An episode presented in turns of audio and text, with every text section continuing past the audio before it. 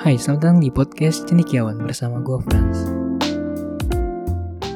Jadi sebenarnya hari ini gue kepikiran buat bahas tentang cara-cara yang gampang gitu ya buat bikin podcast lo sendiri.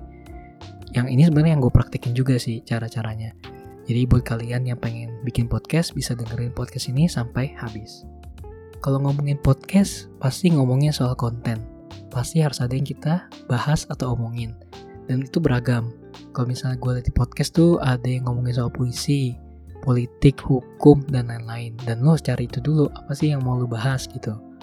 Itu nggak harus yang ribet, yang gampang juga nggak apa-apa. Yang penting lo nemu feelnya dulu nih. Kalau bikin podcast tuh asiknya itu gimana, susahnya itu gimana, dan ya itu bisa berguna buat lo untuk bikin konten-konten berikutnya.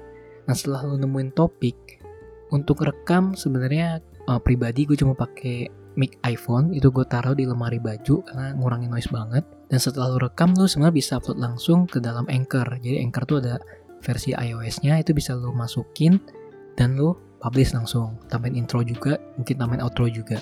Tapi kalau misalnya mau lebih bagus ini yang gue temuin di YouTube yaitu masukin ke Audacity.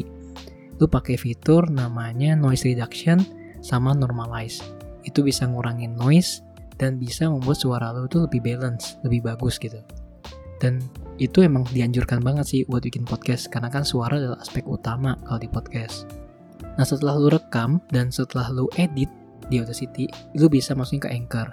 Nah di situ dia bakal bantu lo nanti nge-post ke Spotify, Apple Podcast, ke Google Podcast dan podcast-podcast lainnya. Sebenarnya nggak cuma Anchor doang, masih banyak uh, provider di luar sana. Jadi temuin aja mana yang sesuai dengan diri lo.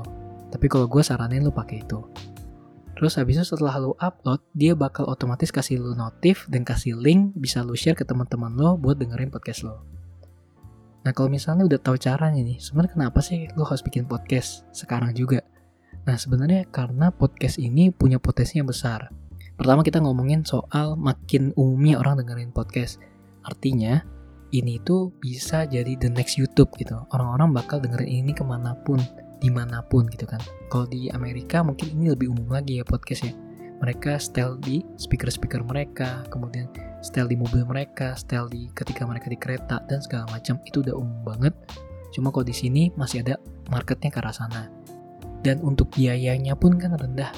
Kalau untuk modal awal mungkin lo pakai mic HP aja dulu atau mic headset nanti pelan-pelan lo bisa upgrade kok dan untuk upgrade-nya itu nggak semahal kayak lo beli kamera jadi ini lebih uh, low cost lah untuk lo mulainya.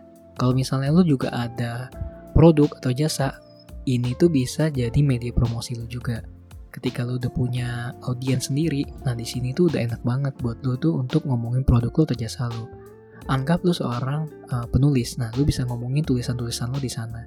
Anggap lo seorang penyanyi indie, nah lo bisa share sampel-sampel lagu lo di sana. Jadi banyak yang bisa lo lakuin di sini. Terus untuk melakukan maintain ya kita kan harus menjaga ini ya. Misalnya update rutin, kemudian kita harus edit dan segala macam, itu makan waktu yang lebih sebentar. Untuk pikirin kontennya mungkin tuh makan waktu karena lu harus punya konten yang benar-benar dibutuhin oleh orang dan lu harus pikirin matang-matang. Itu mungkin makan waktu, tapi selebihnya itu lebih cepat, lebih mudah.